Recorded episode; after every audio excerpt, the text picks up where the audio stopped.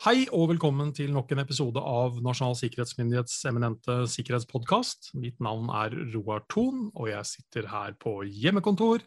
Og med meg i den andre digitale enden av linja så har jeg min faste partner Jørgen Dyrhaug. Hei, Jørgen. Hei, Roar. Alt vel? Ja, det er jo det. Ja. Det skjer jo mye faktisk på hjemmekontor, men også mye i eh, den digitale verden som vi skal håndtere og mene ja. ting om. og Folk ja. skal prates med og til. og Ja da, nei da. Du kan ikke bare stenge deg inne, liksom, selv om du sitter inne? Nei, nei man kan ikke det. Nei. Har, du, ikke. har du sjekka sosiale medier i dag, da? Ja, jeg har sjekket de ikke tall... Jeg er jo ikke på håper jeg, en tallrik antall plattformer. Jeg har jo et, uh, egentlig et litt sånn kjedelig sosialt medieliv. Men de jeg bruker, de er jeg vel for så vidt innom, ja. ja. Men uh, er du på Facebook? Ja. ja. LinkedIn? Nei. Nei. Clubhouse, da? Ja! Det er. Ja, ja der er du. Ja, ja. Den nye hotte. Ja. Den nye hotte. Ja. Og Grunnen til at jeg stiller deg et spørsmål om disse tre, det er jo da noe som har prega litt av det nyhetsbildet du egentlig snakker om at vi faktisk sitter og følger med på.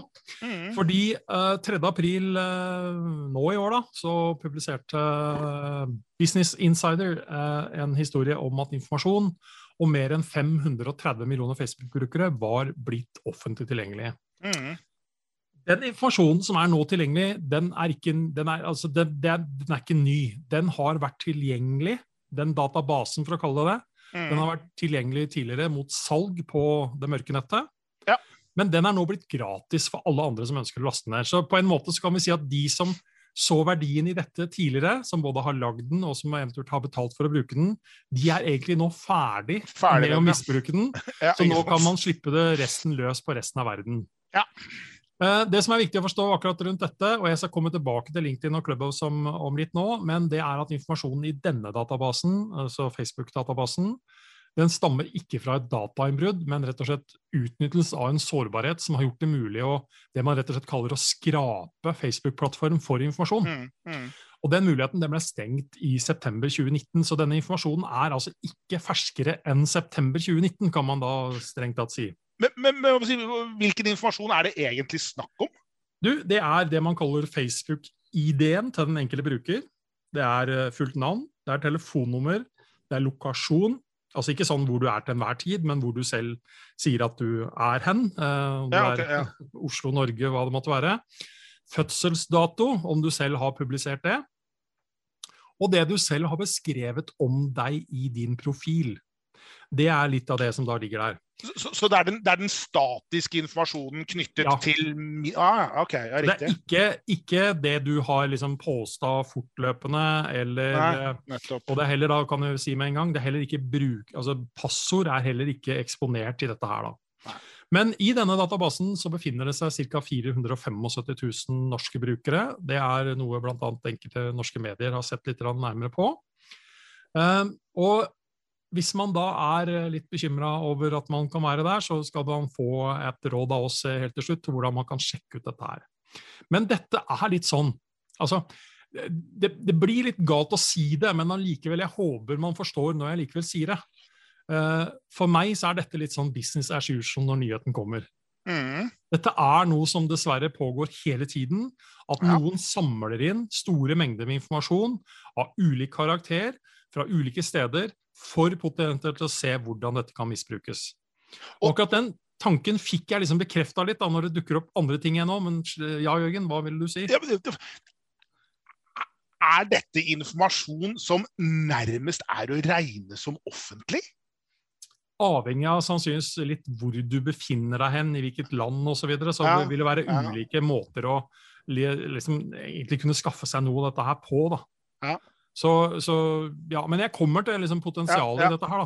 da. Men uh, dette, denne nyheten kom da 3. april. 6. april så publiserer det som uh, heter Cybernews, en historie om at informasjon om mer enn 500 millioner LinkedIn-brukere er lagt ut for salg. Altså, Dette er nå fersk informasjon, for den er nå lagt ut for salg, så den regnes som å liksom, ha en verdi som at den nå Ja, den, den, har et litt annet bruksområde. Uh, og der har man lagt ut to millioner kontoer uh, gratis ut som et sånn proof of concept, at man faktisk har dette her, og ikke bare bløffer og sier at man har 500 millioner. Uh, igjen, informasjonen her er heller ikke fremskaffet ved hjelp av hacking, men også det man kaller skraping. Og Så utvikler denne saken seg ytterligere ved at 10. april, på igjen det mørke nettet, så eh, blir det lagt ut flere LinkedIn-databaser. Eh, og totalt sett så kan det være oppimot 827 millioner brukere som er rammet. Det er fullt mulig at noe av dette her er overlappa eh, som sådan. Det LinkedIn selv sier, de har kommet med en følgende offisiell uttalelse. This was not a LinkedIn data breach, and no private member account data from LinkedIn was included in what we been able to review. Og Informasjonen som uh, er ute der, er igjen LinkedIn-ID-en. Det er navn på brukeren, det er e-postadresse, det er telefonnummer, det er kjønn. Det er link til selve LinkedIn-profilen. Det er link til andre sosiale medieprofiler, hvis man f.eks. har knyttet uh, Twitter-kontoen sin til ja, LinkedIn-profilen. Ja. Og det er profesjonelle titler og annen arbeidsrelatert informasjon. Igjen egentlig bioen, hva du selv sier mm. at du driver ja. med. Ja. Uh, hvor mange norske brukere som er i denne, disse databasene, det er foreløpig ukjent. Og igjen så må jeg presisere at brukerpassord er ikke eksponert i dette. Det fins det andre databaser fra, fra tidligere som, som, potensielt kan ha. Uh, og så For å toppe dette her, da, så 9. april litt av en, litt av en dato. dato. Og noen datoer i seg selv i utgangspunktet, for dette skjer jo sånn tripp trapp tresko. Så dukker det opp en ny database inneholdende informasjon om 1,3 millioner brukere av den nye populære appen Clubhouse. Mm.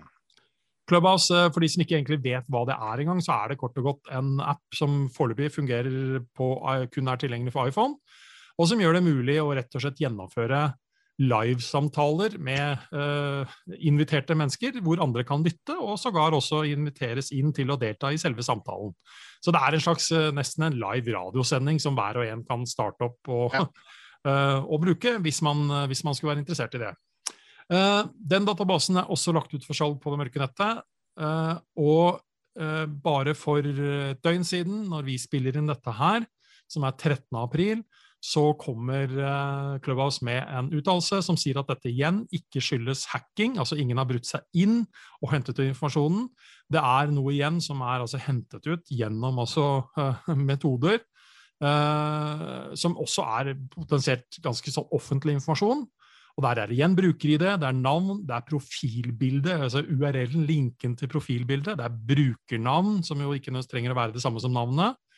Det er eh, Twitter-konto, Instagram-konto, om man har tilkobla dette til uh, Clubhouse-kontoen sin. Det er antallet som følger brukeren, og det er antallet som brukeren følger.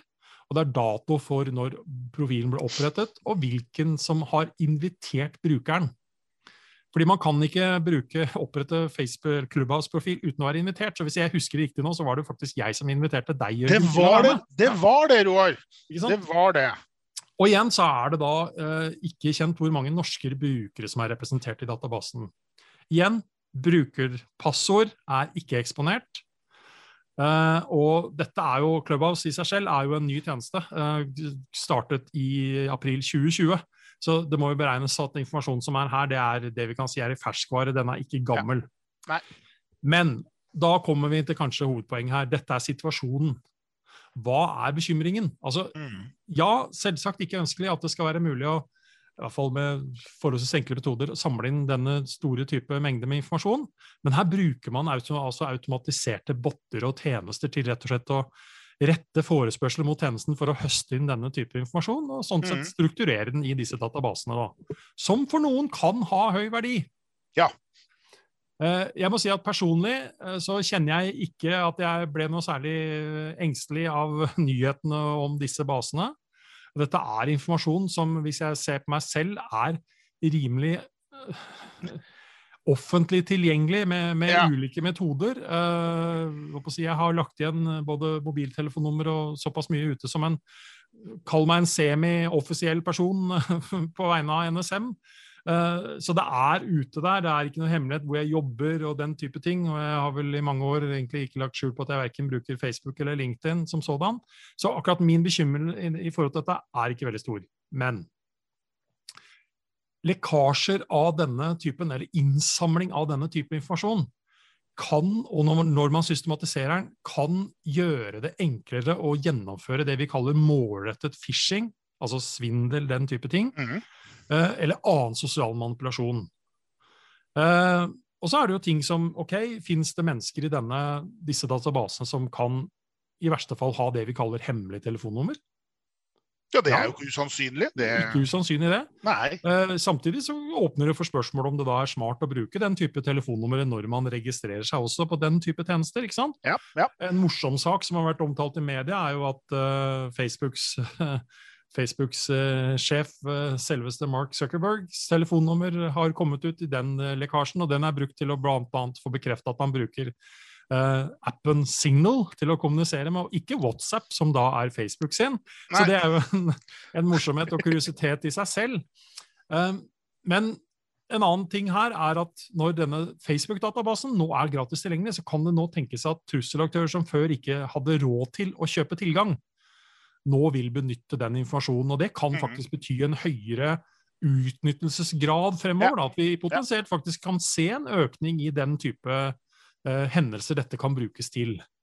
Uh, og så er det jo aldri heldig av informasjon, uansett om den er høy verdi eller lav verdi, kommer ut på den måten. For det svekker jo til en viss grad tilliten vår som brukere ja. til både plattformleverandører og systemer i seg sjøl. For, for, for, alle ville svart nei hvis noen hadde spurt om dette var greit. Ja. Ikke sant? Det, det, ja. ja. Um, men uh, hva bør brukere være oppmerksomme på? Rett og slett at denne kan brukes til målrettet phishing og svindelforsøk. Eh, det er altså Hvis noen skulle si, ringe og si at vi kommer fra Facebook og vi har følgende informasjon om deg, sånn og sånn, kan du bekrefte det ved å trykke på denne linken? Så altså, bare sant, tenk deg om. Ja, uh, det er ting her som kan brukes som, som, rett og slett som det ser offisielt ut, og du vet at denne informasjonen er jo den informasjonen du har lagt ut om deg selv. Nei, det er ikke øst uh, uh, bare å gå på uten å tenke seg om, for å si det sånn. Nei. Absolutt ikke. Og så lovte jeg at vi skulle si at i hvert fall én ting man kunne sjekke ut. Uh, og det er at i ly av denne Facebook-lekkasjen og databasen, og nå må vi presisere at dette gjelder foreløpig i hvert fall Facebook-delen av det, mm. så kan man bruke tjenester som vi har snakket om før, eh, bl.a. en tjenester som heter haveibeenpawn.com. Mm. Og der vil det kunne være mulig, uh, og dette har du gjort akkurat nå for det, Tidligere så var det mulig å lett og slett legge inn uh, e-posten sin der uh, for å få beskjed om den kunne være eksponert mot at man har mistet passord som er koblet opp imot e-postadressen som brukernavn. Og det er en fornuftig ting å sjekke ut uh, med jevne mellomrom, rett og slett. Og vi har jo snakket om at virksomheter også bør ha automatiserte søk som sjekker opp sitt domene på den type tjenester. Mm. Men nå har de også gjort det mulig å legge inn telefonnummer. Så det å faktisk, ja, eh, Istedenfor e-post, eh, så legge inn faktisk sitt mobilnummer, f.eks., hvis man nå lurer på om man er en del av denne lekkasjen. Og Gjør man det, så vil man der kunne få svar om man er en del av det. Og både du og jeg har gjort det i dag. Hva var resultatet hos deg? Du, der var det grønt! Ja, og det var det hos meg ja. også. Ja. Uh, jeg er ikke sikker på om jeg hadde sovet så mye dårligere natt hvis det hadde vært rødt heller. for å si det sånn. Uh, akkurat den forstand. Nei, det... uh, men igjen, dette er en del av den digitale verden vi lever i.